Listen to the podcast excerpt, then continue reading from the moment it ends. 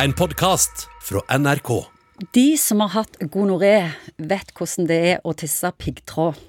Og de som har hatt nyrestein, vet hvordan det er å tisse småstein. Og ingen av oss andre er spesielt lei oss for å ikke ha den erfaringen, Morten Munkvik. Nei, det er helt sant. Det høres ikke særlig behagelig ut, noen av delene.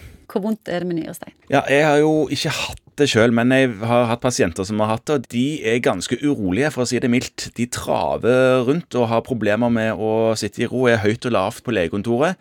Og dette her er ubehagelig og skikkelig vondt. Og kvinner som har hatt både nyrestein og um, barnefødsler, sier at vondt begge deler, ja.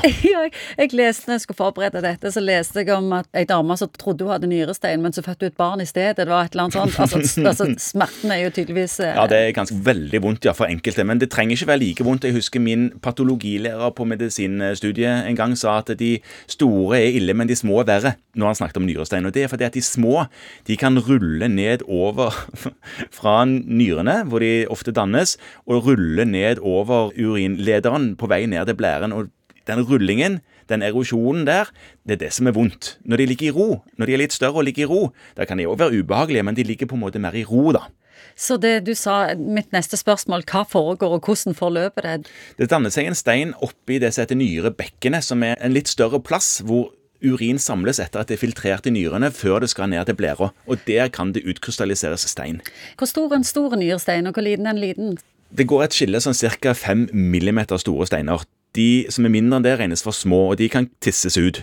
Mens de som er større, de får man ofte ikke tist ut, så de må man hente ut. Hvorfor får vi dette? Ja, noen får nyrestein fordi at de har for mye urinsyre i urinen sin. Det er en ca. en fjerdedel av nyresteinene som er urinsyrenyresteiner. Og så har vi òg nyresteiner som er mer av kalk. Da har man eh, for mye kalk i urinen, og det er noen stoffskiftesykdommer som kan gi det.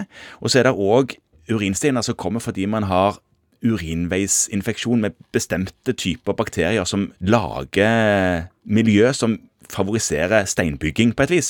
I tillegg så kan man få nyrestein hvis man ligger i ro lenge, i mobilisering og sånne ting. Når noen kommer til deg og du mistenker nyrestein, hva gjør du da? Det første man eh, gjør ofte, da, det er å ta en eh, urinprøve. Fordi det er nesten alltid litt grann blod i urinen. Kanskje ikke den har vært synlig, det, det blodet, men litt blod er det fordi at nyrestein ligger på en måte som en som kampestein og rugge og lage en gjettegryte et eller annet sted og graver seg litt ned, og da blør det litt.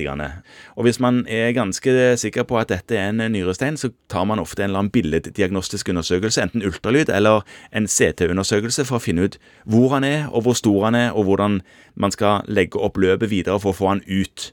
Og hvor lang tid kan det ta å få den ut? Hvis den skal tisse sjøl, så er det jo avhengig av hvor mye flow der er gjennom systemet, og hvor mye han ruller og sånt. Gi meg noen hint. Når han skal ut på egen hånd, så tar det noen dager. Men hvis han skal knuses, så må du inn på sykehuset og gi en sånn nyresteinknusemaskin, hvor man sender inn lydbølger fra forskjellige vinkler som treffer denne steinen fra forskjellige vinkler, da, og så da knuses steinen. Det høres vondt ut. Ja, det høres vondt ut, eh, og da er jo tanken etterpå at da er bitene så små at du kan tisse de ut. Eller så kan man gå inn og hente de ut. stikke rett og slett et instrument enten opp gjennom eh, urinrøret og opp gjennom der for å hente det ut, eller inn fra ryggen og inn i nyren. Mange måter å fikse det Litt forskjellige måter å Ja. fikse det på, og det som er litt kjedelig for den som hadde steinen, er at den kan komme igjen. Så har du hatt én stein, så er sjansen større for at du får nummer to. Du har hørt en podkast fra NRK. Hør flere podkaster og din NRK-kanal i appen NRK Radio.